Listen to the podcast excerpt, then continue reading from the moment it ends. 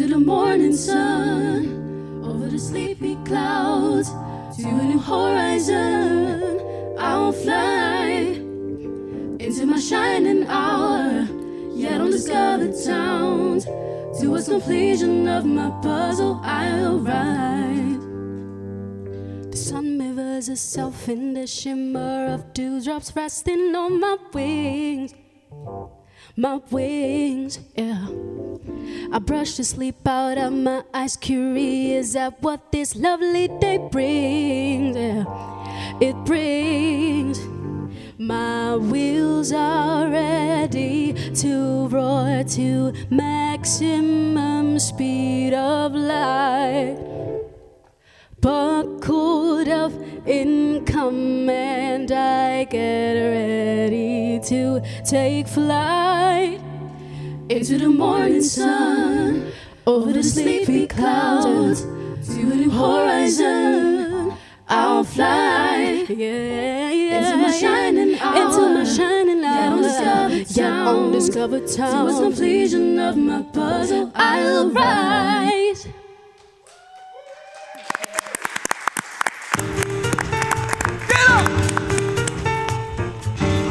Welkom bij Late Night Talks met jouw host Fatima Bassama. Yes, wauw, wauw, wauw. Wat een mooi begin van de allereerste aflevering van Late Night Talks in 2020, Lady China. Heel goed, goed gedaan. Dit is ook de allereerste show waarbij letterlijk niemand een excuus heeft om niet te kijken naar ons. Ja, ik heb het over de avondklop. Heftige maatregel uh, die goed zou werken tegen de coronapandemie en voor onze kijkcijfers dus. Uh, maar dat, daar was iedereen dus niet mee eens, die avondklok. Heel veel mensen waren zelfs heel erg boos. In Geleen, in Den Bosch, in Eindhoven, in Amsterdam en in Haarlem, zoals we op deze beelden kunnen zien. Thank you.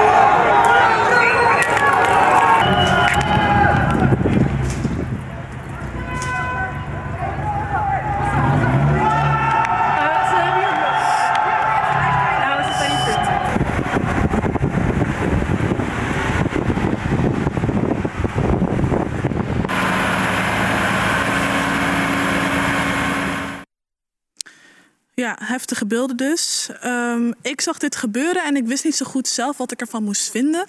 Heftig, asociaal, verdrietig, onveilig. Um, ik moest mezelf afvragen van wat ik hiervan vind. En ik wil die vragen ook aan jullie stellen om hardop na te denken wat er nou rondom deze rellen is gebeurd. Want wat als de relschoppers die al deze chaos hebben veroorzaakt mensen met een migratieachtergrond zouden zijn?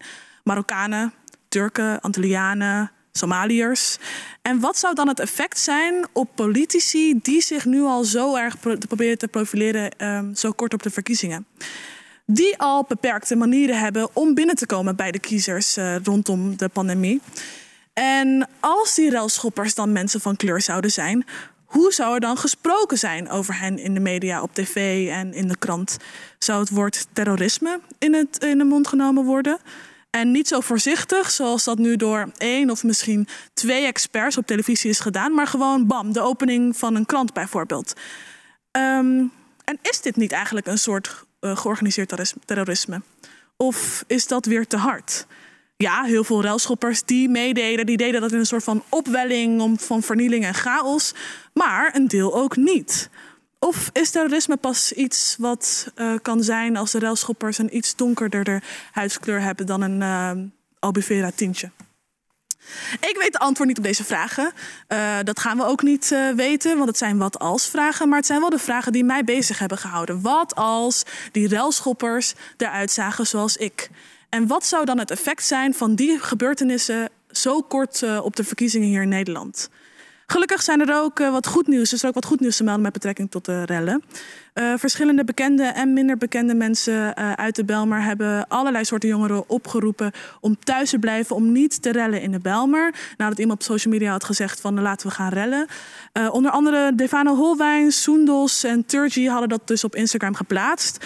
Maar andere bewoners van de Belmer gaan zelfs een stapje verder. Ouders uit de buurt gingen na de avondklok de straat op om dus uh, die jongeren te ontmoedigen om te rellen. En een van die uh, buurtbewoners is Kunta Rincho. Rincho. Het idee is eigenlijk protect the hood en protect the youth. Soms moeten we onze jongeren in bescherming nemen tegen zichzelf. En natuurlijk ook onze, onze wijk, onze omgeving, hier waar mensen wonen, naar school gaan, morgen een broodje halen. En iemand die, ik bedoel, we moeten ervoor zorgen dat, die, dat er straks geen brandende bakker is. En dat we morgen geen broodje kunnen halen, om Nee. iets kleins te doen. Nou, die brandende bakker was er dus niet. Er werd gewoon een broodje gehaald de volgende dag, gelukkig. Eh, ik wil deze monoloog eindigen met leuk nieuws. Ehm, toch wel de challenge van 2021, denk ik. Buzz it, buzz it, Bust it. Bust it. Bust it.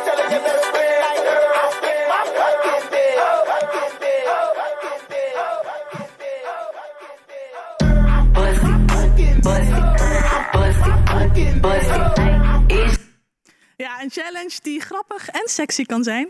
Vanavond eh, ga ik het hebben met Titia Hogendoorn en Nienke Schuitenmaker over het gevallen kabinet. En waarom je niet zomaar moet stemmen op waar je ouders op stemmen. Bobby Bo- Boermans is hier om de start van Mokromafia seizoen 3 met ons te vier- vieren. En eh, arts, microbioloog Ivar Leden en via de Zoom universitair docent Dr. Alana Helberg-Proctor schrijven aan om, schuiven aan om al onze vragen rondom de coronavaccins te beantwoorden. En je hoorde haar al net, Lady China. Die gaat ook mooie muziek voor ons maken. Maar eerst Invited to the Cookout. Yeah, are you invited? Are you invited to my cookout? Or not, or not, or not. Bobby, Ivar, welkom. Dankjewel. Dankjewel. Uh, Invited to the Cookout, dat is uh, stapelspel hier bij Late Night Talks. Invited to the Cookout, ik ga het even uitleggen. Dat is een cookout. Je gaat feestjes, misschien een klein feestje thuis, coronaproof. Of via de Zoom uitnodigen. Eten, lekker, de, lekker drinken, dat soort dingen. En ik ga jou een soort van gastenlijst voorschotelen... van mensen die jij wel of niet zou moeten uitnodigen. Um, de eerste zijn de makers van Bridgerton. Hitserie op Netflix. Als je hem niet gezien hebt, ga hem gewoon kijken, want het is leuk en sexy. Uh, op social media is er enige ophef ontstaan rondom Bridgerton. Aan de ene zijde is het dus een hele populaire serie, maar aan de andere kant vonden mensen dat het toch wel vervelend was uh, om een zogenaamd, nou hoe, mensen dat vinden, diverse serie te zien waarbij zwarte mensen toch wel in rollen komen. De hoofdpersoon is een witte vrouw uh, en een zwarte man die een relatie heeft met haar. En eigenlijk zijn alle zwarte mensen hebben ze best wel problematische karakter, karakteristieken, zeg maar. Of ze zijn boos, of ze hebben alcoholprobleem of agressief. Allemaal van dat soort dingen. En ik kijk even naar jou, Bobby, ook als maker. Mensen zijn dus een beetje boos om dat het een nepdiversiteit zou zijn, of niet? Hoe, wat vind jij? Excuus, diversiteit. Ja, soort van.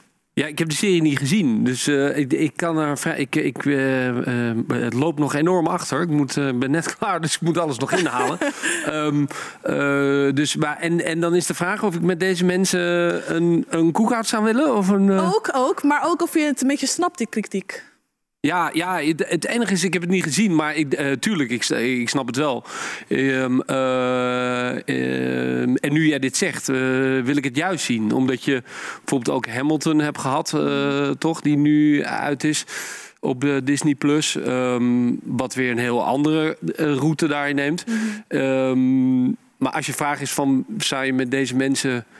Uh, een cookout willen hebben, dan, nou, dan denk ik eigenlijk ja. ja want ik zou het heel interessant vinden om de gedachten daarachter te horen. En met deze mensen dan in een gesprek te gaan. Dan. Ja, ja. Ken jij de serie, uh, Ivar?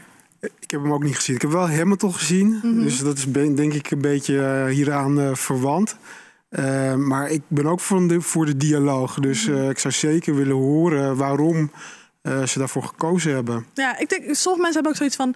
je, je kan kritisch zijn op, op dit... Maar is het, spelen ze allemaal, zeg maar, de ober en... Nee, de... nee, nee. nee het, is een, het is een kostuumdrama in 1800 of zo, als ik het verkeerd zeg. Maar alle gekleurde mensen hebben een probleem of zo? Of nou ja, er zijn mensen die een hoofdrol spelen met uh, die mensen van kleur zijn. En er zijn mensen die uh, uh, daaromheen zitten. Maar het gaat er juist om... Bijvoorbeeld de koningin is van, dit, van in deze serie is zwart. Maar mensen vinden dat het een, een zeg maar, een soort van personages zijn die niet goed zijn uitgedacht of niet genoeg zijn uitgeontwikkeld. Dus daar, daar ligt de kritiek dat, ja, precies. Um, ja. dat er niet genoeg neutrale personages zijn. Ik heb zelf de serie wel gekeken. Ik vond het echt een hele leuke serie. Ook wel een beetje corny, maar wel heel leuk. En sommige mensen vonden ook van, nou ja, misschien zijn we te kritisch, want dit is dan ook een win of zo. Hoe zie jij dat, uh, Ivar? Nou ja, ik zou niet per se een win noemen omdat zwarte mensen meedoen. Het moet wel uh, meerwaarde hebben. Ja. Um, maar ik zou het eerder zien als een aanmoediging. Goede, een goede eerste stap dan. Dus je kunt altijd kritiek hebben. Mhm. Eh, maar dan zou ik dan voor de volgende keer kijken hoe kan het beter. Ehm, maar om het dan gelijk, ik ga uit van goede intenties, om dat dan gelijk ehm, neer te sabelen als zij, ik ga het niet bekijken, Ja. dat zou ik dan jammer vinden. Nou ja, en het is, je, je hebt ook in een televisieserie niet eh, altijd de tijd om elk personage heel, gele- heel eh, gelaagd te maken, zeg maar. Dus ja, ik, ik, ik heb de serie niet gezien, maar de, eh, dat is dan even vakmatig. Het enige wat ik misschien even wil opgooien is dat je, je hebt maar zoveel geld en zoveel tijd om, en, om bepaalde lijnen uit te diepen. Ja. Ehm, dus ja, ik weet niet wat, hoe de makers dat eh, Nee. gedaan hebben. ja, ik vind het interessant wat jij zegt, Ivar. Van, het, is, eh, het is een win, maar dat betekent niet dat je niet kritisch mag zijn. Of, dat, dat is wel interessant. Ehm, we hebben het ook aan mensen op Instagram gevraagd. 72% eh, zegt uh, die makers mogen gewoon komen. Hartstikke gezellig. Oh, En- Shonda Rhimes heeft het gemaakt. Ja, onder andere. Oh ja, die zou ik zeker uitnodigen. En 28% eh, zegt nee. Dat, eh, dat hoeft niet van mij. Eh, de volgende is Paul de Leeuw.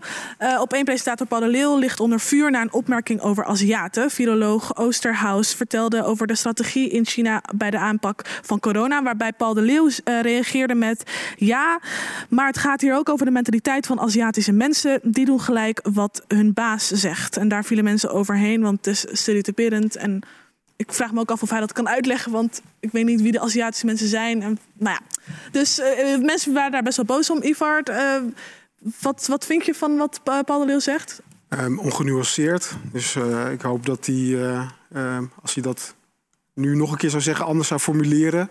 Ik denk dat het heel lastig is om een hele bevolkingsgroep over verschillende landen als, eh, als volgzaam eh, te typeren. Ik denk alleen maar aan, zelfs binnen China, blijf van de hemelse vrede.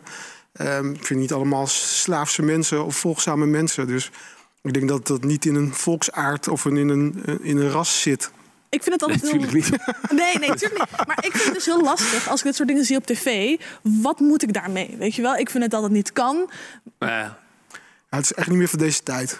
Kan niet Nee. meer. maar in, in, welke, in welke context heeft Nou, hij het in een, in een televisieprogramma? Of in, In, een... in het televisieprogramma, ik zie dit, een presentator van een grote, van een grote talkshow zegt ja. dit. Wat moet je daar dan mee? Weet je wel, Ze- op, op Twitter, outrage. eh, hoe- hoe kunnen we ervoor zorgen dat dit iets wat, waar heel veel mensen het niet mee eens zijn, dat het niet gebeurt? Nou ja, je stem laten horen en, en eh, zeggen wat je vindt. En dan hopen dat Paul er zelf over nadenkt. En, eh, en eh, het, eh, de tweede keer erover nadenkt op het moment dat hij het nog een keer wil, wil zeggen. We hebben het ook gevraagd aan de mensen eh, thuis. En Maar is het aan Paul zelf gevraagd? eh, nee, ik heb geen contact met hem. Maar als je contact met mij kan brengen. Ja, eh, nee, ik heb zijn nummer ook niet. Maar Eh, eh, 89% zei nee, Paul mag gewoon eh, thuis zijn, eh, thuis blijven. En 11% zegt, nou, ik wil wel dialoog aangaan.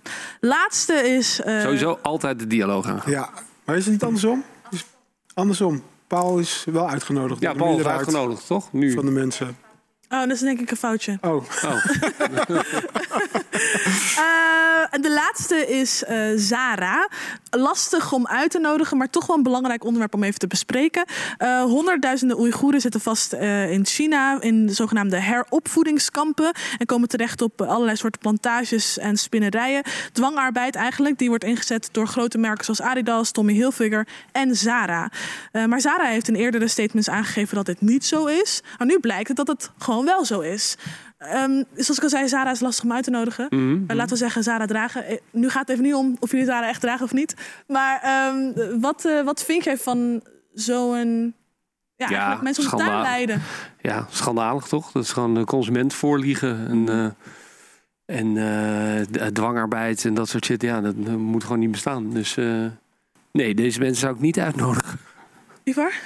Ja, ik zou ze wel uitnodigen. Ehm, ehm, in die tekst is denk ik is de, is de, de koepel, eh, overkoepelende organisatie. Doen Pool and Bear, Sarah. Ze hebben allerlei merken, Massimo Dutti. Ik denk dat we ook nog eens zelf moeten kijken. Want eh, eh, de consument koopt. We kopen kiloknallers, Ja. we kopen Sarah, we kopen zo goedkoop mogelijk. Ik denk dat we heel erg moeten kijken naar ehm, onszelf voordat we een fabrikant ja, ik, natuurlijk hebben zij een verantwoordelijkheid. Maar ik denk dat het voor hen best lastig is om in China eh, alles te controleren. Ik denk niet dat, ze, dat, ze, dat je ze ehm, het, het verontschuldigt ze niet, zeg Nee. maar. Ze hebben een verplichting om het zo goed mogelijk Nee, te doen. Maar als jij zegt dat ze eerst zeggen dat ze het niet doen en dan blijkt toch dat ze het doen, ja, dan ben je ja, gewoon dat- de boel aan het voorliegen. Ja, ik bedoel, 100%. ik Dat is kwam er ook achter dat mijn Nike-trui in Bangladesh wordt gemaakt. Zeg maar ik weet ook niet, dat Ja. voelt ook niet helemaal goed. Ja.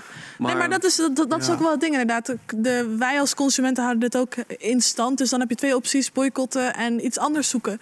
Ehm, maar ja, dat blijkt ook heel erg lastig om duurzaam te gaan. En ook omdat het alleen maar in je gezicht wordt gegooid van 10% korting, 100%, nou, niet 100% korting, zou leuk zijn. Eh 50% korting, 75% korting. Het is heel lastig om daarvan eh, van weg te gaan. We hebben dit ook gevraagd aan eh, de mensen thuis. En daarvan zegt eh 10% die mogen, die blijf ik aan, die, die, die trek ik aan. En 90% zegt, zegt nee, Zara. Maar het is een beetje hetzelfde als wat jij, wat jij net zegt eh, over... ja, kan je een holding of een maatschappij erop aanspreken? Het is hetzelfde nieuws nu vandaag met Shell... wat naar buiten kwam over die Nigeriaanse eh, boeren. die, eh, en dat de holding Shell dus niet aanspreekbaar is... maar Shell Nigeria is er wel aanspreekbaar voor. En dat is eh, van ja, wie, wie binnen het bedrijf weet wat, zeg maar. Weet je wel? Dat is, dan is het ook weer dat ik denk, nou, dan mag Shell Nederland mag, eh, eh, daar ook verantwoordelijk voor zijn. Ja, een beetje die loophole inderdaad. Ehm, Ivar, ik wil het met jou hebben over vaccinaties. Dat doe ik niet alleen met jou. Dat doe ik ook samen met universitair docent Dr. Alana Helberg-Proctor via de Zoom. Eigenlijk alles rondom dit onderwerp van vaccinaties. eh, dat we heel veel discussie daaromheen. Laten we even kijken. Afgelopen weken leek in Nederland maar één vraag centraal te staan. Ga jij je laten vaccineren tegen corona? Inmiddels zijn er twee coronavaccins goedgekeurd, Pfizer en Moderna. Maar ondanks de officiële goedkeuring zijn er nog steeds veel mensen met wantrouwen. Hoe betrouwbaar en veilig zijn deze nieuwe vaccins eigenlijk? Kan het op lange termijn schadelijk zijn? Arts en microbioloog Ivar Leden en universitair docent Alana Helberg-Proctor schuiven aan om deze vragen en meer te beantwoorden.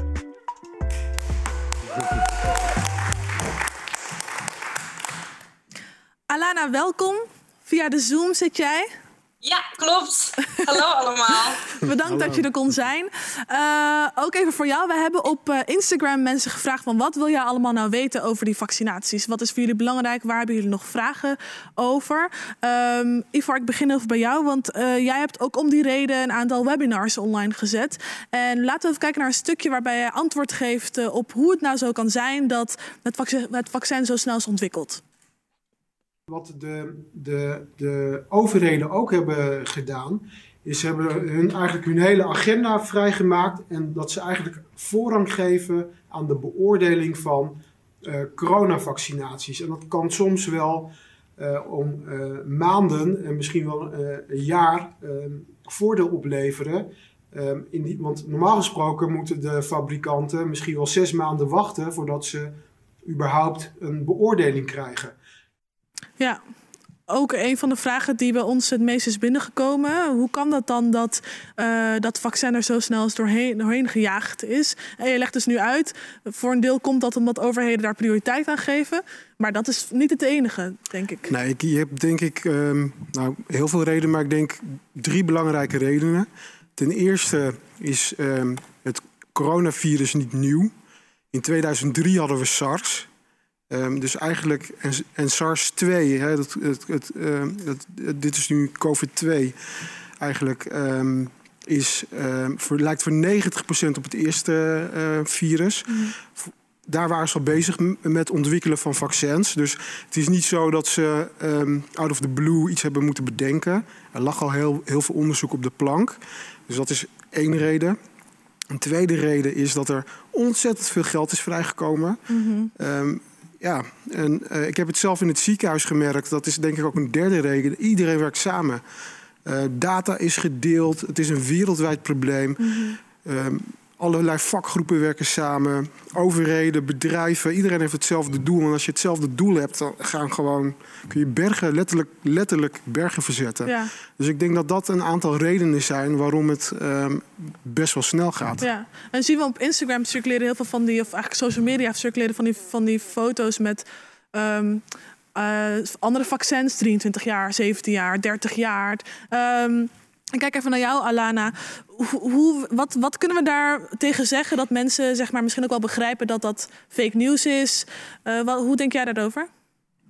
Um, ja, ik denk dat het, dat het inderdaad belangrijk is om uh, duidelijke informatie te geven over hoe het proces loopt. Waarom dat zo lang kan duren. Um, en waarom het inderdaad dan zo snel is gegaan met corona. Um, maar een ander goed voorbeeld is bijvoorbeeld de griep. Daar heb je verschillende varianten. Um, dan heb je ook elk jaar of uh, elk paar jaar een nieuw vaccin. Dat gaat ook vrij snel, omdat je natuurlijk al um, die hele achtergrond hebt, zoals Ivar net zei. Ja. ja. Dus ik denk dat het vooral belangrijk is om, ja, om fake news tegen te gaan. Uh, is om vooral ja, uh, daarop in te gaan eigenlijk. En om te vertellen waarom iets dan anders is in dit geval. Ja. En um, een andere vraag is, hoe kan het nou, waarom is het zo dat mensen onder de jongeren onder de 18 jaar niet worden gevaccineerd, Ivar? Um, omdat daar nog onvoldoende bewijs voor is. Dus uh, vooral Pfizer is uh, getest uh, onder 16-jarigen. Mm. Of vanaf, moet ik zeggen, vanaf 16 jaar tot, ik geloof, 91, 95 de oudste deelnemer.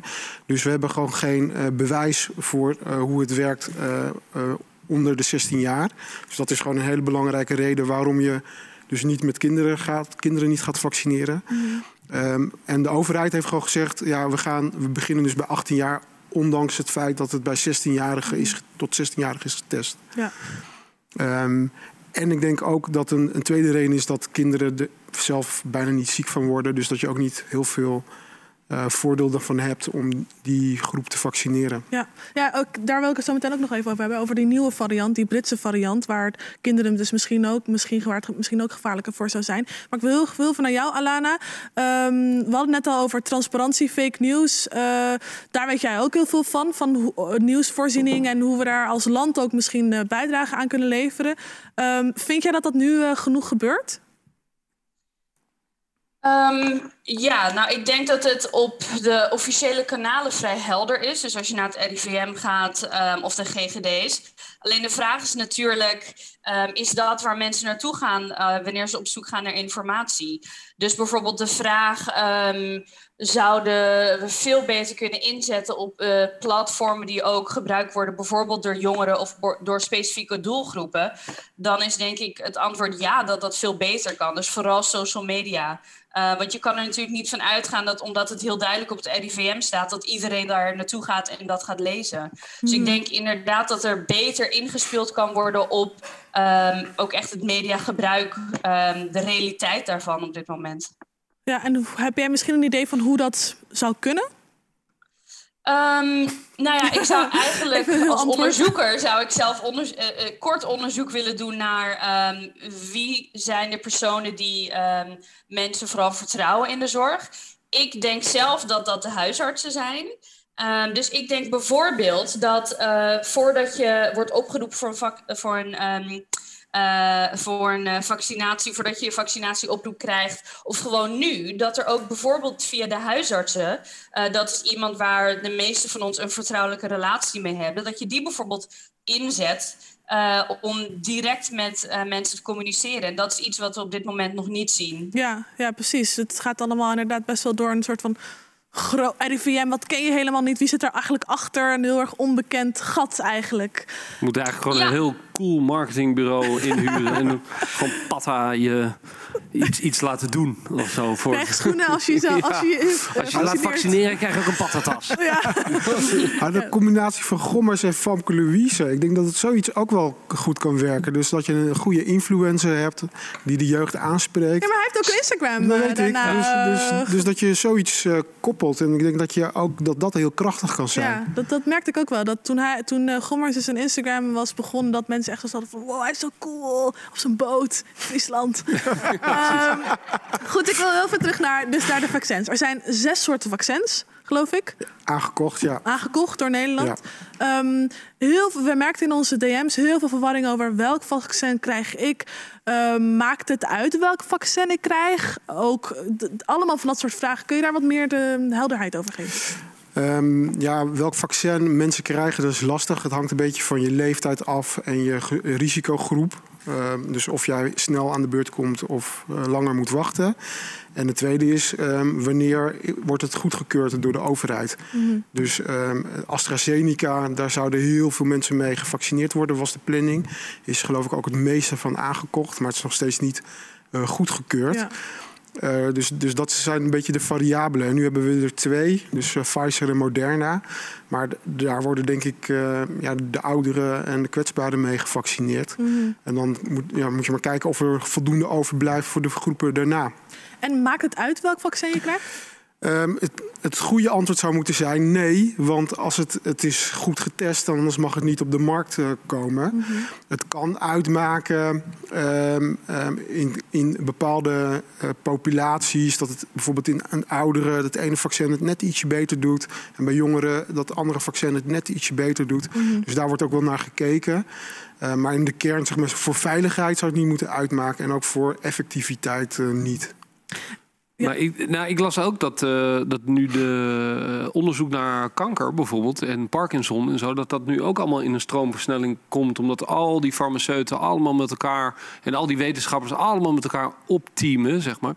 Dat ze nu eh, echt denken dat ook de, ja, de, de, de grote ziektes, zeg maar, in, in ons leven, dat die ook steeds nu de komende 10, 15 jaar, dat dat allemaal in een stroomversnelling gaat komen. Omdat omdat we nu voor het eerst wereldwijd allemaal bij elkaar zijn gekomen om, eh, om, Om samen te werken. ja, om samen te werken. Ja. En dat dit, de technologische vooruitgang nu in de ontwikkeling van die mRNA-vaccins Ja.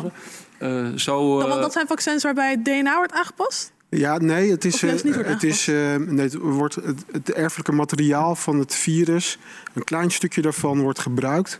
En dat is het messenger RNA. En dat is een klein stukje erfelijk materiaal wat voor een stukje eh, eiwit van het virus eh, ehm, codeert. Dus eh, het, het maakt. Geprogrammeerd, ja. Ja. Ehm, en dat is precies het wapen zeg maar, van het virus. En dat is ook waar je lichaam tegen moet, zich moet bewapenen. Dus het is eigenlijk een soort oefening.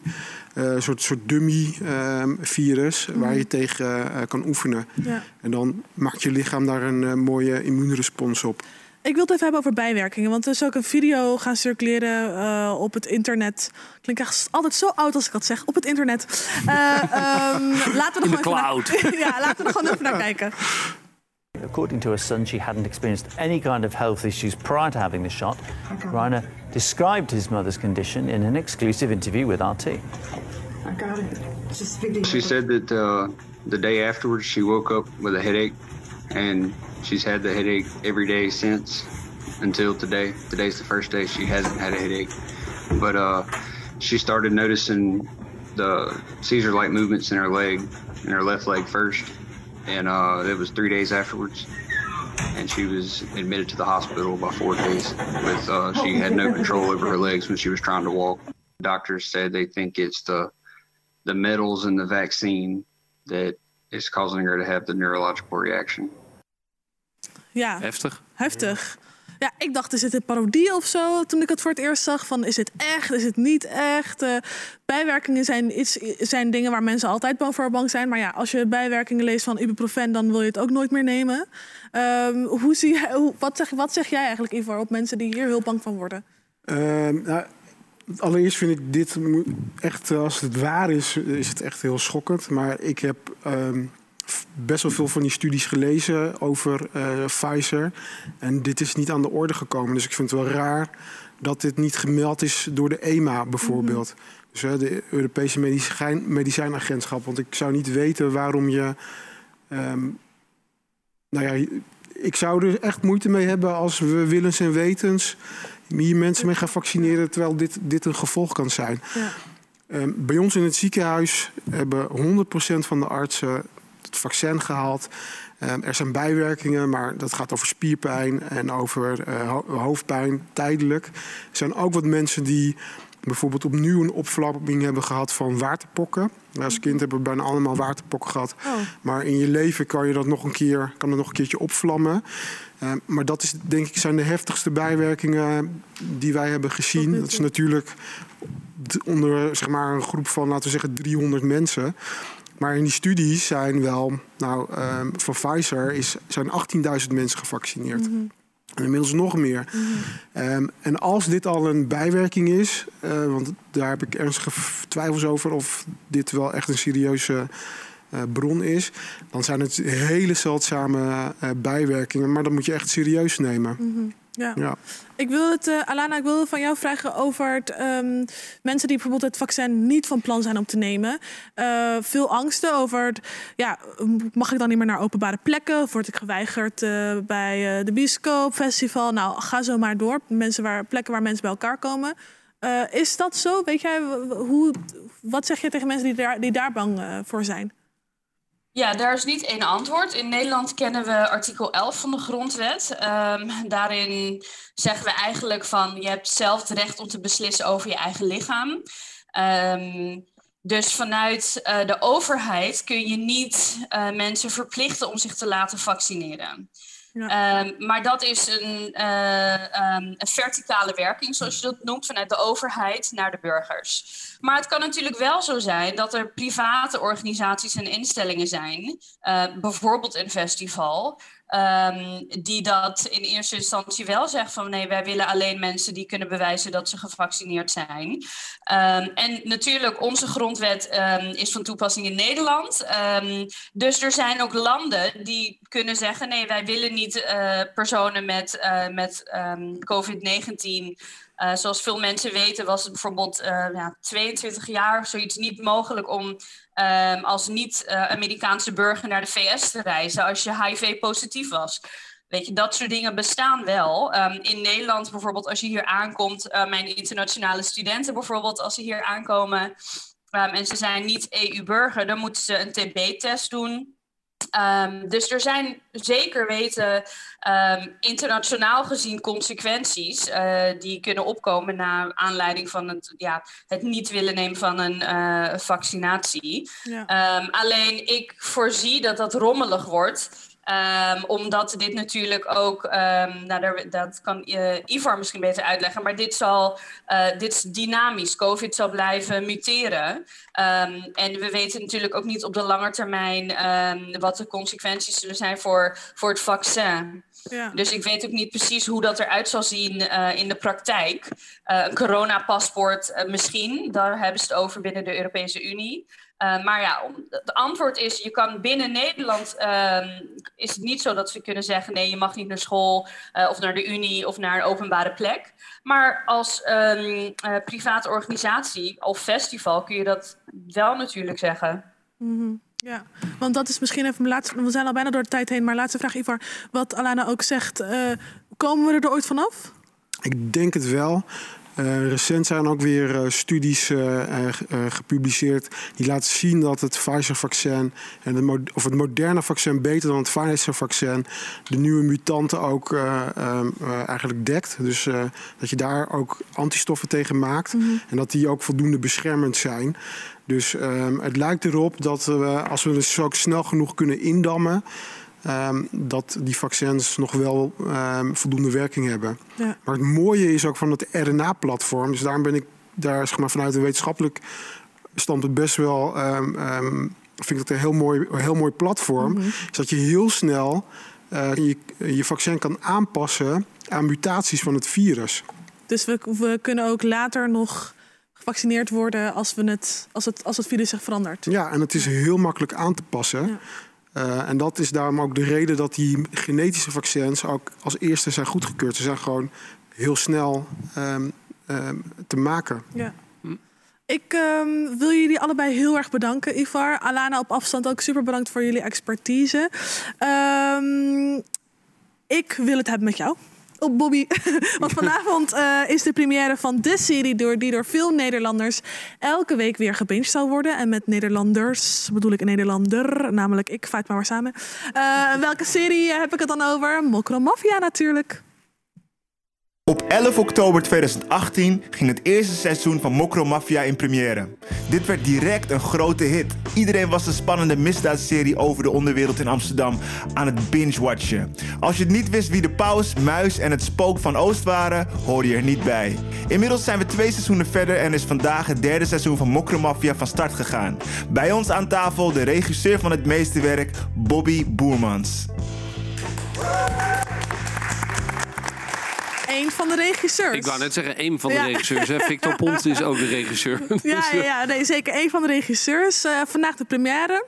Heb je eigenlijk alle, alle afleveringen nog een keer nadat het af is gemaakt nog langzaam gezien? Rustig. Nee, want als je, als je het monteert, dan eh, heb je het duizend keer gezien, dan ben je blij het dat het niet klaar. Ja? Ja, nee. En ik kijk wel, zeg maar, wat Victor doet, dus wat, eh, wat mijn collega-regisseur doet, dat, dat kijk ik wel. Mhm. Eh, en daar ga ik dan ook echt lekker voor zitten, omdat, omdat je eh, die aflevering niet zelf hebt geregisseerd, maar mijn eigen afleveringen, dat, eh, ja, dat geloof ik wel.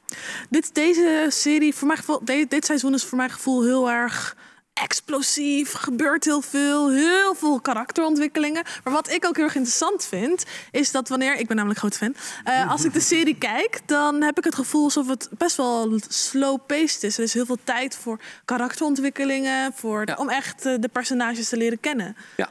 Eh, is dat ook echt een doel geweest voor jullie?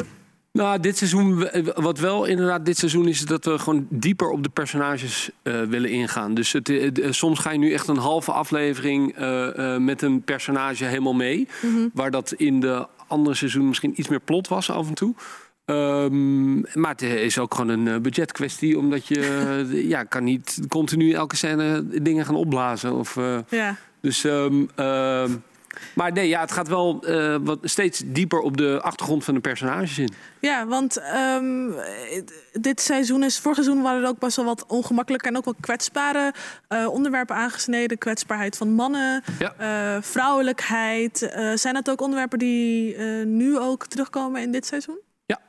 Ja, ja, maar ik mag niks spoilen. Oh, ja. dus, ja, het is heel saai, maar... Oké, ja, ik ga wel Nee, vast... het, het, eh, wat we eigenlijk altijd doen, eh, proberen zeg maar, met Mokkelmafia, is eh, de, de, de grote sociale dingen die zich... omdat de, de Mokkelmafia, of het criminele circuit en de sociale onrust gaat het, het hele jaar door. En blijft eigenlijk, hoe vreselijk het ook is, maar blijft steeds doorgaan. En eh Ahmed Kabi en de, het sch- schrijversteam wat erop zit... die proberen steeds eh, de grote thematische dingen... Zeg maar, die zich hebben afgespeeld... eh, ja, over te nemen en daar een soort eigen fictieve draai aan te geven. Mhm. Ja, daar wil ik je zo meteen ook nog wel even over doorvragen. Ik wil eerst even naar een fragment. Eh, want zoals ik al zei, voor mijn gevoel lijkt het erop alsof dit aankomend... Ik heb het niet gezien natuurlijk, maar dit aankomend seizoen... het voor iedereen eh, te heet onder de voeten wordt. Ehm, laten we kijken naar een fragment van een personage van Bilal Wahib, modeshow... die misschien dood zou zijn, misschien niet dood, zou zijn. En Paus wil het graag weten. Laten we even kijken.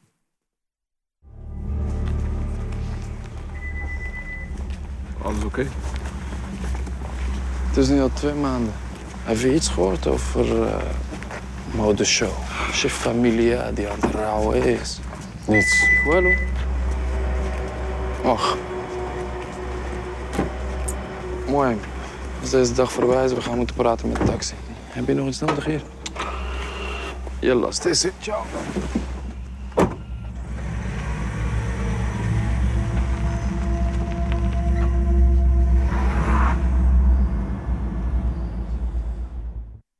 Ja, bij dit fragment vind ik zelf ook. Het is, je ziet ook wel hoe goed het geschreven is, vind ik. Want het is soms als je een Nederlandse serie kijkt, voor mijn gevoel, en probeert een beetje straatcultuur over te, over te nemen, is het heel erg inauthentiek. Dus je voelt gewoon, dit is niet Ja, geschreven ja, door iemand die, in die uit die groepen komt. Ja. Ehm, hoe proberen jullie daar authentiek aan te blijven?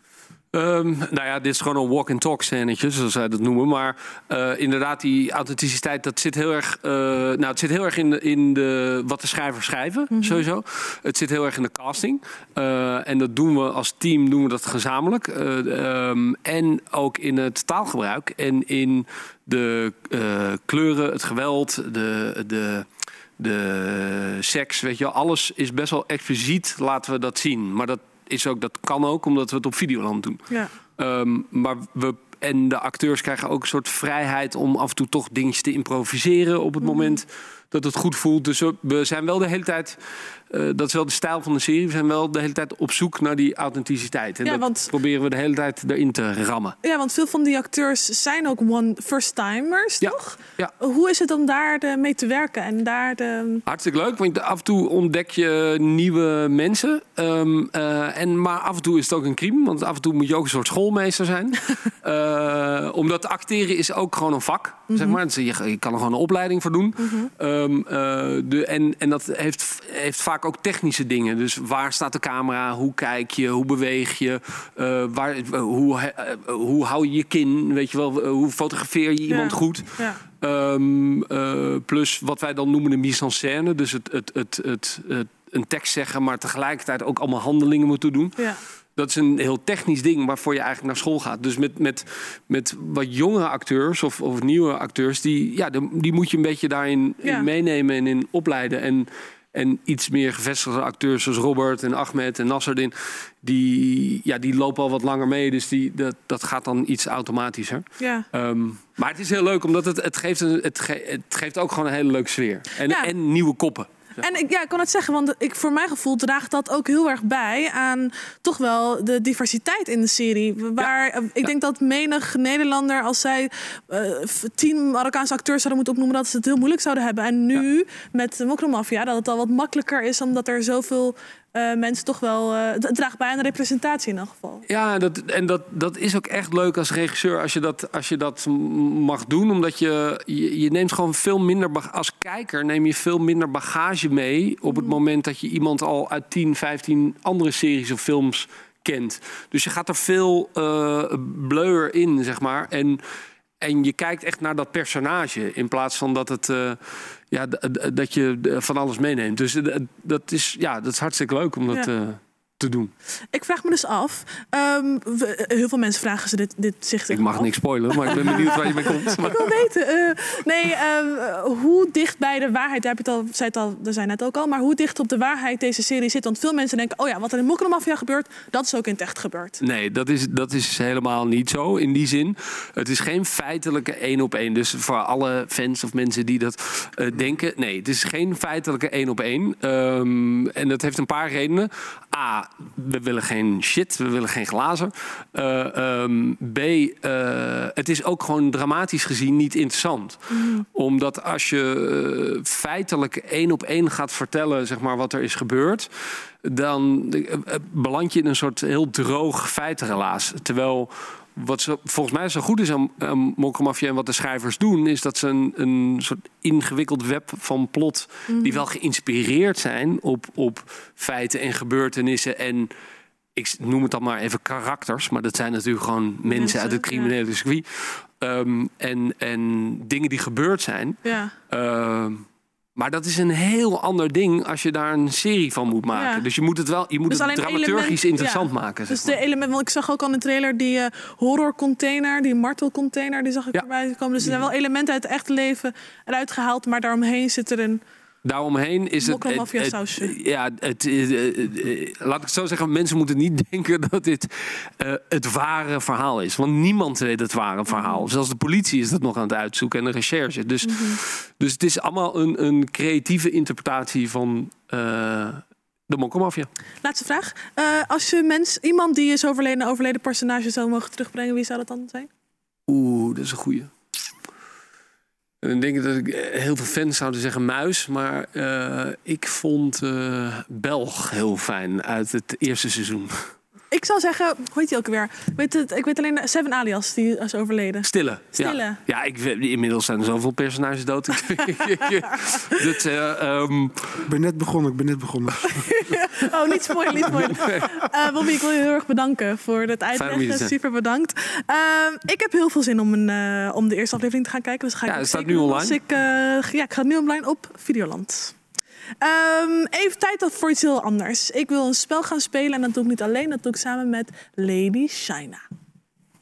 Lady Shina. Deze singer-songwriter zou je kunnen kennen van The Voice of Holland, waar ze in 2019 aan meedeed. Haar allereerste EP heeft de Lady Shina vorig jaar gereleased. Deze persoonlijke EP genaamd Chapter 22, Puzzled, is onderdeel van een driedelig album. Met haar unieke sound weet ze ons in ieder geval te overtuigen en kunnen we niet meer wachten tot het tweede deel van haar album uitkomt.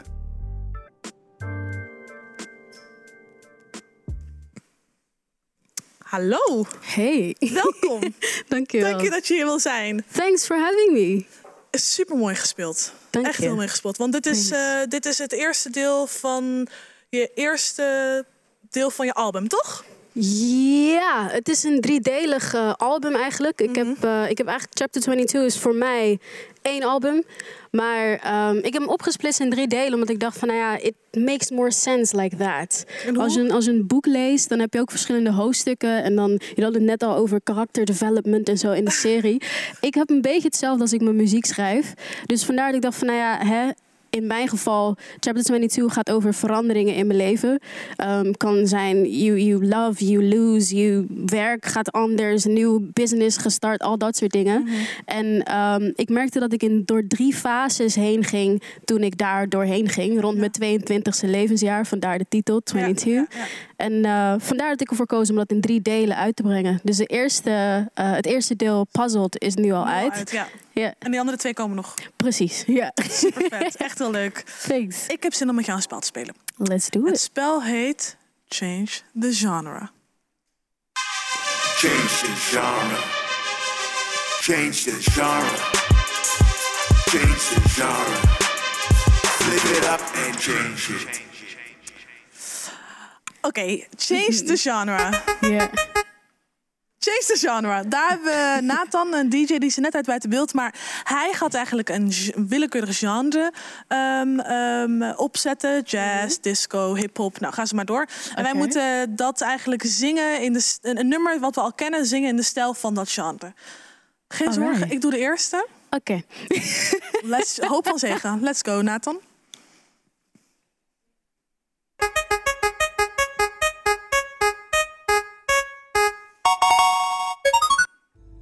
Miss Fati Fati van eh, Million Styles in jazz.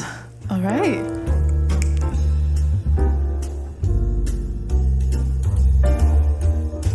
Oké. hey, Miss Fati Fati, you're a murderer. The way you twist and turn around. Fati Fati, you're a murderer. The way you twist and turn around. Oké. Nice. Volgende is voor jou. Even kijken. All right.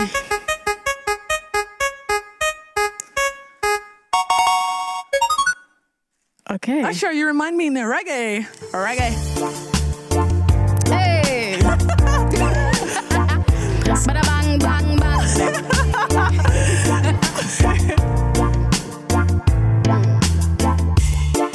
See the thing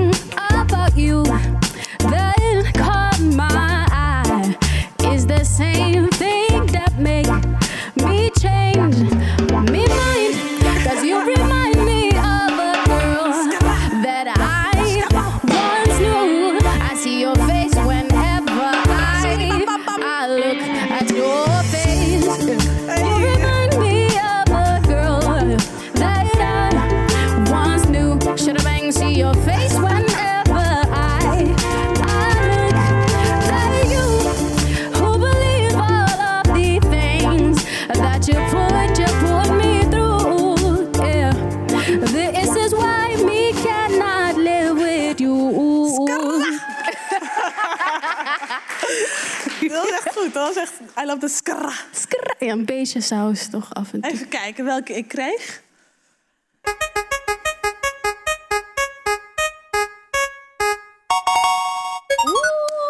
Brown Skin Girl in Disco.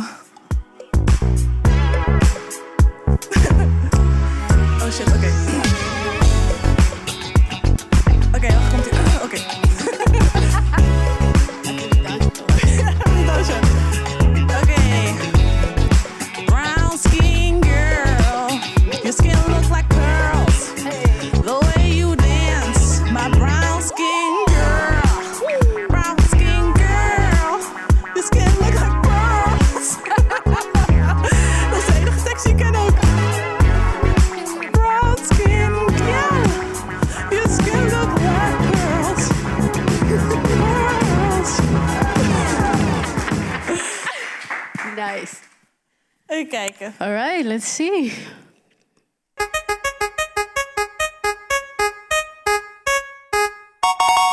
Als laatste, Carrie Hilson, Knock You Down in Country. Wacht. Oh, oh, oh.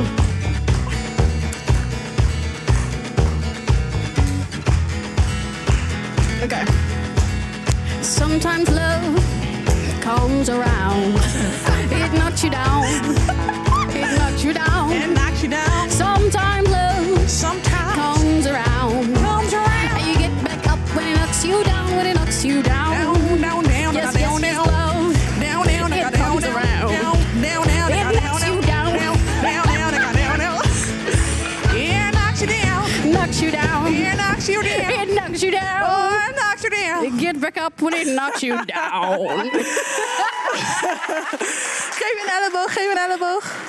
yes. Hele goede tegenspeler. We hebben allebei gewonnen. We hebben allebei gewonnen. Ehm, even kijken. Van Change the Genre gaan we naar Change the Politics. Eh, ik ga praten met Devika, Devika Partiman, Titia Hogendoorn en Nienke Schoutema over de aankomende verkiezingen. Well, well, well, Rutte. You really outdid yourself this time. Gedwongen ontslag vanwege institutioneel racisme. Op 15 januari viel het kabinet Rutte 3 vanwege de toeslagenaffaire waar ongeveer 26.000 ouders slachtoffer werden van onterechte fraudeverdenking, veelal door hun dubbele nationaliteit. Dit is natuurlijk al een hele gebeurtenis op zich, maar dan ook nog eens midden in de coronacrisis en vlak voor de Tweede Kamerverkiezingen die in maart zullen plaatsvinden.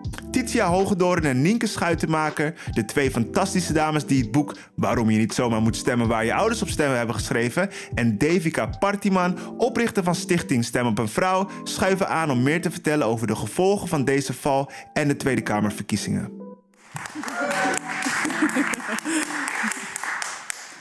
Eh Titia, Nienke en Devika, zo blij dat jullie er zijn. Dankjewel.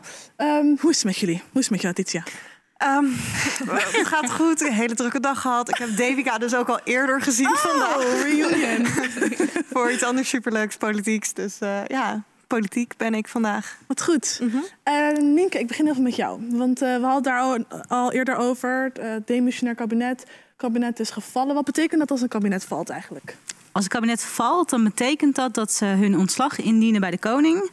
En dat ze, totdat er een nieuw kabinet is, alleen nog maar lopende zaken mogen afhandelen. En vooral niks meer nieuws mogen oppakken en ook geen controversiële dingen meer. Oké. Con- Controversiële dingen zoals... Eh, nou, meestal zijn dat dingen die in de medisch-ethische hoek zitten. Dus als er ook maar iets met abortus of euthanasie komt, dat sowieso Ja, niet meer. En verder bepaalt de Tweede Kamer vaak zelf waar, wat dan op dat moment controversieel is. Mhm. En in dit geval is dat bijvoorbeeld het vliegveld Lelystad. Mhm. Eh, daar is veel veel gedoe over. Ze denken, nou, dat doen we dus nu maar niet meer. Na de verkiezingen. Ja. En maar heel veel mensen zeggen ook van, nou ja, betekent dat eigenlijk dan wat? Ik bedoel, de verkiezingen zijn bijna, zijn over een paar weken. Wat maakt zo'n gevallen, gevallen kabinet dan eigenlijk uit? Ja, de meningen verschillen daar heel erg over. Eh, volgens mij maakt het voor de burger niet zo heel veel uit, omdat het bijna verkiezingen is. En de Tweede Kamer, of zeg maar, er is altijd een soort van vakantie voordat er verkiezingen zijn, waarin er toch geen politiek wordt gedaan, Mhm. zodat alle politieke partijen campagne kunnen voeren. En die was eigenlijk toch al halverwege februari, dus echt nieuwe dingen gingen ze toch al niet meer aanpakken. DWK, symboolpolitiek. Dit misschien wel, hoe kijk jij daarnaar? Gevallen? Ja, god. ehm, ik denk dat ze echt heel lang dachten dat ze konden blijven zitten. Ehm, dus ja, het is in zekere mate symbolisch door wat Nienke net uitlegt. Maar ja, het is beter dan dat ze waren blijven zitten wat mij betreft. Zelfs al heeft het nu eigenlijk niet zoveel effect op, op wat ze nog hadden kunnen doen. Het is toch wel goed dat ze gewoon zijn opgestapt. Of nou ja, soort van. Omdat het wel echt betekent, we hebben, we hebben, we hebben gewoon echt hele grove fouten gemaakt. En ja, beter laat dan nooit. Titia, jij knikt ook. Oh my god. Ja, nee, ja, het hele ding is natuurlijk ook over waarom ik de boek heb geschreven en waarom ik mijn podcast maak, is dat ik. Ik wist helemaal niks van de politiek. En inmiddels weet ik vrij veel. Maar om nou hier hele stellige, vette dingen op te zeggen, weet ik niet. Eh, ik ben het gewoon natuurlijk eens. Nee, maar dat is, ik denk ook wel dat dat de kracht is van deze talkshow. Van, het is nuance in overvloed. Ik bedoel, niet, niet, je hoeft niet altijd een heftige mening eh, te hebben over iets. En wat je ook zegt, maar dat maakt het, ook, dat maakt het boek ook charmant. En jouw jouw eh, podcast ook charmant. Polititia.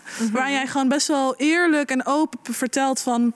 ehm, dit is wie ik ben. Ik weet eigenlijk helemaal niks of heel weinig. En ik wil wat meer weten. En ik wil samen met jullie die, eh, dat, die journey aangaan. Ja, ik kan me gewoon heel goed vinden in mensen die ook het moeilijk vinden om zich te bewegen in het politieke landschap. En ik weet dat het soms ook moeilijk is om te zeggen dat je iets niet weet. Omdat politiek wordt er ook vaak wel een beetje van je verwacht dat je toch gewoon een beetje in een gesprek, weet je wel, met vrienden of zo, dat je gewoon cool bent en meeknikt. Mm, ja, veel dividendbelasting. Aha, Ja. Maar soms weet je het gewoon Who niet. is her? I don't know her. En ja, precies. En eh, ja, dus, dus ik heb ook, ik zeg ook altijd in de podcast, zeg ik altijd, eh, ik kom uit de kast als een politiek noob, zodat jullie het niet hoeven te doen, zodat iedereen kan nog steeds doen alsof hij heel veel weet over de politiek. Ja. En ik stel dan gewoon de vragen, dus dan hoef je alleen maar naar de podcast te luisteren. Maar ja, nee, eh, ja, dat dus. Nee, maar, maar, maar dit, dit is een supergroot onderwerp, toeslagenaffaire. Daar kunnen we het ook nu niet, in de, de laatste tien minuten die we hebben, niet over gaan praten. eh, in uitvoerig, want dat, dat, het verdient ook meer tijd. Eh, maar het is wel iets wat heel veel mensen bezig heeft gehouden. Voornamelijk ook dat, dat het te maken heeft gehad met discriminatie. En ehm, dat maakt ook dat veel mensen zeggen van... Nou, ik ben wel blij dat, eh, dat in elk geval een soort van verantwoordelijkheid wordt genomen... en dat het kabinet zegt van wij, stoppen ermee. Ehm, ik wil nog wel één vraag aan jou stellen, Nienke. Ehm, hoe zit het dan in de coronatijd met eh, eh, dat gevallen kabinet? Ja, ze hebben eigenlijk een soort van afgesproken dat ze corona gewoon blijven bestrijden. Want dat is de grootste prioriteit. En dat is natuurlijk ook een onderwerp waar niet heel veel andere partijen van zullen zeggen: ja, nee, dat is eigenlijk niet zo boeiend. Ja. Heb het daar maar niet meer over. Het betekent wel dat er dus als er ingrijpende maatregelen moeten worden genomen, zoals een avondklok, eh, dat, je daar, dat ze daar iets meer. Daar moeten ze nu echt toestemming voor vragen aan de Tweede Kamer. En voordat ze gevallen waren, om het zo maar te zeggen, mochten ze dat een soort van zelf bepalen. Ja, ja iets meer. precies. Ja, dus nog wel, er worden nog wel goede beslissingen of beslissingen gemaakt over de. Ja, het is niet dat ze nu in één keer zeg maar eh, met hun duim zitten draaien en denken van Ja. ja, het zal wel volgende Ja. verkiezingen. Ehm, ik wil ook een soort van de verkiezingen voorbeschouwen met jullie. Eh, bijna zijn die. Ehm, ik begin even met jou, DWK. Jij hebt Stichting Stem op Mevrouw. Het zijn eigenlijk de kies, als je naar de kieslijsten gaat, dan moeten we eigenlijk best wel blij zijn. Want die zien er best wel divers uit. Diverser dan ooit, misschien ook wel. Klopt. Eh, maar toch, toch zie ik bij jou niet een hele grote glimlach. Vertel. Eh, ja, klopt. Er, zijn, er staan bijvoorbeeld veel meer vrouwen dan ooit op de lijsten. Veel meer mensen van kleur. Eh, ook voor het eerst echt eh, meer dan één transvrouw bijvoorbeeld. Mensen met beperking. Dus je ziet echt enorm, nou ja, eigenlijk een beetje sinds Zwarte Piet is racisme in Nederland... dat, Mhm. ja, dat er gewoon steeds meer aandacht is voor diversiteit. Maar? Waar we ook wel aan hebben bijgedragen. Maar, nou ja, noem bijvoorbeeld de VVD, eh, die nog steeds het grootste is in de peilingen. eh, die heel veel zetels dus waarschijnlijk gaat krijgen. Die hebben maar 35% vrouwen op de lijst. Bijna geen kandidaten van kleur enzovoorts. Dus eigenlijk de PVV, twee na grootste, nog veel minder. Dus er zijn heel veel partijen die het goed doen. De meerderheid van de partijen doet het goed. En de partijen die het grootst zijn, doen het eigenlijk het slechtst. Dus Mhm. dat is mijn frustratie hierin heel erg. Eh, En wat ja. is. Ik bedoel, dat zijn ook wel partijen die niet per se de meest progressieve partijen zijn. Nee, klopt. Ehm, dus ik vraag me een beetje af van hoe, waar, waar, waar schuurt het? Hoe, hoe is dat erg dat, dat, dat daar geen mensen van kleur op of, of überhaupt weinig diversiteit in de lijsten eh, staan? Als, als al bijvoorbeeld hun beleid. Nu ga ik misschien ook wel te veel politiek, ik weet ook niet te veel hoor. Eh, maar als, al hun, als, als hun politiek en hun beleid en wat zij ook uitdragen niet per se staan voor de, de mensen eh, die gemarginaliseerd zijn. Nee, klopt. Ik denk dat het voor een, een partij als bijvoorbeeld noemde PVV heel logisch is dat daar alleen maar witte mensen op de Mhm. lijst staan. eh, uit een zekere, ja. Eh, tenminste, ik zou me daar als persoon van kleur absoluut niet in herkennen. En dat Mhm. geldt denk ik voor heel veel mensen. Ehm, dus ja, als je discrimineert als partij, dan natuurlijk, dan ga je dat ook doen op je kieslijst. Zo Mhm. simpel is het. Dus ehm, ja, dat speelt natuurlijk wel mee. Maar ja, genoeg mensen volgen het natuurlijk überhaupt niet zo politiek. En zeker met een VVD telt het heel erg in hun grootte. Dat mensen denken, ja, maar die Rutte, die ken ik nou al Ja. tien jaar als premier. Ik vind dat hij het wel Prima. redelijk doet van een afstandje, zal wel goed zijn. Daar stemmen Ja. we weer op. En Ja. dat is volgens mij een veel groter probleem dan dat mensen heel bewust denken: oh, ik stem op deze lijst met witte mensen. Weet Ja, ja, ja, precies. Ja. en die sleur van we blijven maar een beetje in hetzelfde patroon zitten, daar gaat jullie boek ook over. Ehm, nou ja, in ieder geval waarom je niet, eh, waarom je niet zou moeten stemmen op waar je altijd, oh, of als ik goed zeg, even kijken hoor, waarom je niet zomaar moet stemmen op waar, waar je ouders op moeten stemmen. Kan je wat meer vertellen over hoe dat boek dan, eh, hoe, ja, wat, hoe dat is gaan ontstaan. Over de titel of over het boek? De titel. Nou, ik heb wel eens gestemd, gewoon waarop mijn eh, vader stemde. De eerste keer dat ik ging stemmen heb ik gewoon gevraagd... waar stem jij op? Ik had geen flauw idee. Ik dacht, mijn vader zal het wel weten. Ehm, ik heb het ook niet aan mijn moeder gevraagd, grappig genoeg. Maar weet je, hoe verder ik erin kom, hoe meer ik erachter kom... Hoe be- er zit zo'n groot verschil tussen wat belangrijk is voor jonge mensen... en wat belangrijk is voor hun ouders. Dus het is niet eens zozeer dat je ouders verkeerd stemmen... maar wat voor jou belangrijk is, is misschien heel anders... dan wat voor jouw ouders belangrijk is. En wat gewoon een probleem is met jonge mensen en stemmen... Dat, daar herken ik mezelf erg in, vandaar ook het boek... is je voelt je gewoon niet heel zelfverzekerd over stemmen en over politiek. Eh, ik had ook een beetje het gevoel van laat de mensen maar stemmen die er iets van weten, weet je wel, die, die iets weten van het beleid. En dat is, zo werkt het gewoon niet. Het gaat er juist over dat er een representatie is van alle mensen, van, van de bevolking. Dus het is belangrijk dat zoveel mogelijk mensen stemmen. En ik denk dus ook juist jonge mensen. Ja. Want beleid wat gemaakt gaat worden voor de komende vier jaar. Het gaat over de toekomst en het gaat over, weet je wel, de eh, stijgende zorgkosten. Het gaat over de flexibilisering van de arbeidsmarkt. Het gaat over de crisis in de, hu- eh, in de huizenmarkt. Het gaat over racisme. Het gaat over al die dingen die belangrijk zijn voor alle jonge mensen. Dus het is belangrijk dat ze gaan stemmen. En als je niet helemaal zeker weet op wie je dan moet stemmen, weet je wel, je hoeft niet helemaal precies 100% eens te zijn met één partij of het helemaal zeker te weten. Doe gewoon een kieswijzer, luister een podcast. Voel in ieder geval een beetje aan welke richting je op wil stemmen. ja. Misschien vraag je aan iemand in je omgeving waarvan je denkt: oh, dat is iemand met wie ik dezelfde visie deel of zo, dat soort dingen. Goede tip die ik vandaag dus ook al van Devika hoorde is: weet je wel, volg eh, politici online op social media, superleuk. ja, nou ja, niet altijd superleuk, maar wel, daar blijf je wel een beetje soort van engaged. Ja. En, ehm, En dit boek eh, geeft eigenlijk de handvaten zoals jij, zodat jij wat meer een, een afgewogen keuze kan maken. Los van of je nou links, rechts, midden stemt. Ja, en, ehm, maar ik ga ervan uit dat je progressief stemt, want ik vind, want, ja, zo werkt Een stem die bij jou past, zullen we maar zeggen. Ja, maar ik zou het opmerkelijk vinden als je als jongere niet gewoon wil dat de toekomst goed in elkaar zit, weet je wel? Ja. En daarom heb ik ook gewoon. Het boekje is ook gewoon niet super dik. Want ik heb ook niet het gevoel dat als je niet geïnteresseerd bent in de politiek. en je wil er gewoon meer van weten. dan ga je niet een heel dik boek lezen. Nee. En ga je ook niet 20 euro betalen voor een boek wat je dan moet lezen. Dus daarom hebben we een chilled boekje. We hebben, er staat dus echt alleen maar in wat je moet weten. En gewoon leuke dingen.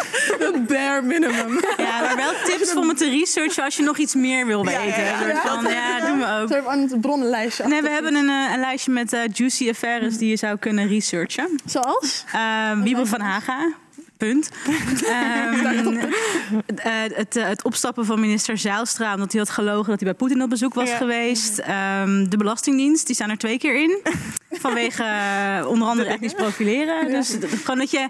In ieder geval hebben we niet overal tijd voor. Maar dan zit er wel onderwerp bij dat je denkt... sorry, wat? Ja. En dat je daar gewoon even een zoekmachine bij zoekt... en denkt, ik typ dit even in en kijk waar ik uitkom. Ehm, ik denk dat dat, dat dat best leuk kan werken. Ik, wil, ik wil, wilde eigenlijk al gaan naar tips, maar jullie hebben al hele goede tips gegeven. Ehm, eh, jij, Devika, vanuit jouw stichting en organisatie, wat is een tip die jij zou geven voor de mensen die binnenkort gaan stemmen? Voor het eerst misschien ook. Ehm, ja, dat is om eigenlijk niet blind te stemmen op die eerste persoon of de tweede persoon op de lijst. Mhm. Eh, echt 80% van Nederland stemt op die lijsttrekkers. Dus die eerste mensen die je vaak ziet op tv.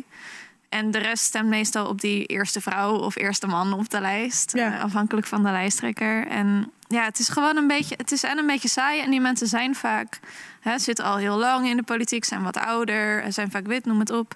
Terwijl verder op de lijst vaak de jonge mensen staan, de mensen van kleur, veel meer vrouwen vaak verder op de lijst. Dus hè, zeker als je jong bent, ga even kijken, zit er iemand misschien uit jouw regio, van jouw leeftijd, en waarin jij je misschien een beetje kan herkennen. Mhm. Want de kans is gewoon dan zoveel groter dat die jou beter representeert dan die nummer één, die toch al miljoenen soms letterlijk stemmen krijgt. Die heeft echt jouw stem niet meer nodig. Dus Nee. kijk wat verder, dat zou ik willen meegeven. Want maakt het even voor de mensen en maak het uit op, op wie je stemt. Want dat is heel veel. Want dat is dat mensen denken van dat het niet echt, echt uitmaakt. Want Klopt, ja. En dat is de hele grap van die ene stem die dan opeens wel effect kan hebben. Eh, zeker als iemand wat lager op de lijst staat. Bijvoorbeeld als een partij is gepeild op 10 zetels of zo. Nou, dat kan je gewoon op internet ongeveer vinden van die schattingen.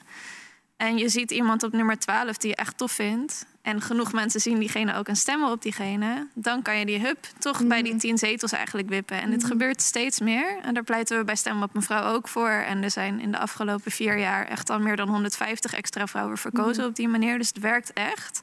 Dus ook al denk je, ja, ik in mijn eentje. Je ziet toch dat eh, doordat steeds meer mensen zich verdiepen... zeker jonge mensen zich door dezelfde mensen voelen aangesproken. Dus je Ja. bent dan een soort hackersgroep eigenlijk... die die kieslijst hackt. En dan met z'n allen wij willen nummer 12, ik nummer 10. Ja. Dat is wel gewoon, ja. Dat is ook, ja, dus, eh, wat jij zegt, is stem op een persoon, niet op een partij eigenlijk. ja. En jullie zeggen, lees ons boekje Bare Minimum, this is niet to know. En ik heb dit dus, eh, ik volg David natuurlijk op de voet. Super, ik ben er ook super door geïnspireerd. Podcast is daar ook, weet je wel, door geïnspireerd. En ik heb dat dus gedaan de afgelopen verkiezingen. En het is niet alleen een soort van vet om je doel te behalen, zeg maar, als hackers community, maar het is ook gewoon vet. Omdat je dus, je stemt dus op iemand die je tof vindt, want je hebt dat even uitgezocht en je weet daar wat dingen van. En als die persoon dan vervolgens ook daadwerkelijk een plek bemachtigt in de Kamer of in het Europees Parlement, dan voel je je dus echt. Oh, dit is echt vet. Je voelt je echt Je gerepresenteerd. Ja, draagt echt bij. Ja. En het is ook gewoon, je voelt je veel meer betrokken. Ja. Daar nog één ding over, want die info is echt lastig te vinden. Want de volgende vraag is: waar de fuck vind je al die mensen dan? Eh, dus wij verzamelen in ieder geval even zelf promo op stemopenvrouw.nl alle verkiesbare Super vrouwen. overzichtelijk. Dus dat is stap 1. Maar je hebt ook een organisatie die alle jongeren gaat verzamelen. Dat gaan we ook delen. Ehm, dus nou ja, volg Stem op een Vrouw of ga op zoek naar andere organisaties. Eh, stel je wil op iemand stemmen die eh, bijvoorbeeld LHBT is, dan kan je bij het COC terecht. Dus zo heb je allerlei organisaties die op een rij voor je zetten van uit wie kan je nou eigenlijk Kiezen, kiezen. ja. Die niet met info en zo. Dus wij doen dat, maar vele anderen ook.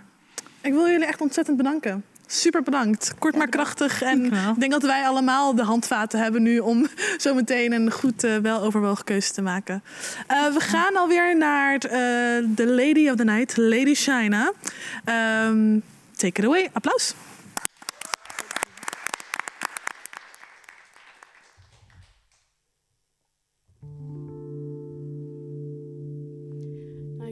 Net al over dat eh, chapter 22 echt een eh, onderdeel is van mijn leven.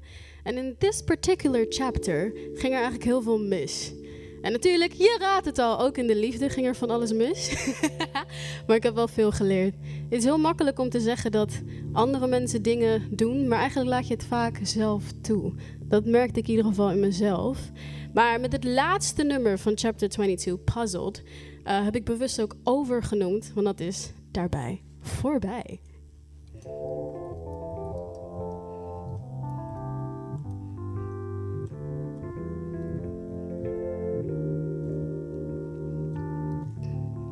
You could call me bitter, but at least I tried. Feelings once hidden are now in plain sight. I mended and I molded to try and fit myself next to you, yet you won't move. So I don't really care about you.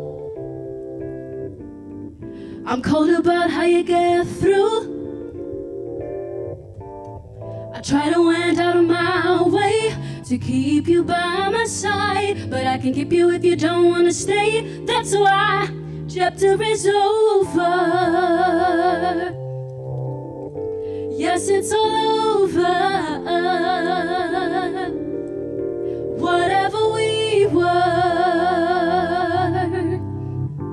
it is all over. It's over. It's over. It's over. It's not a matter of love, cause these feelings speak loud. But it's time to turn the page away, and it just won't work out. Yeah, it's hard cause I'm attached to, but you are letting go, and I know I'm better off so. I don't really care about you. I'm cold about how you get through. I try to went out of my way to keep you by my side, but I can keep you if you don't wanna stay. chapter is over. Yes, it's all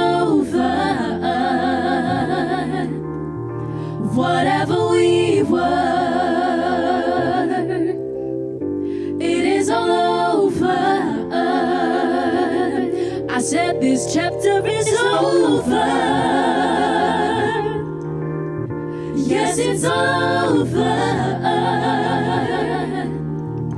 Whatever we were, it is over. I said this chapter over, and I don't care if it was good. Yes, you know that it is over. Yeah. Whatever we were, it's all in the past. I said it's all over, and I could care less if this chapter is over. And I don't care if it was good, but you know that it is over. Whatever we were, it's all in the past. It is all over, and I could care less. It's over. Yes, it's over. I said, whatever we were,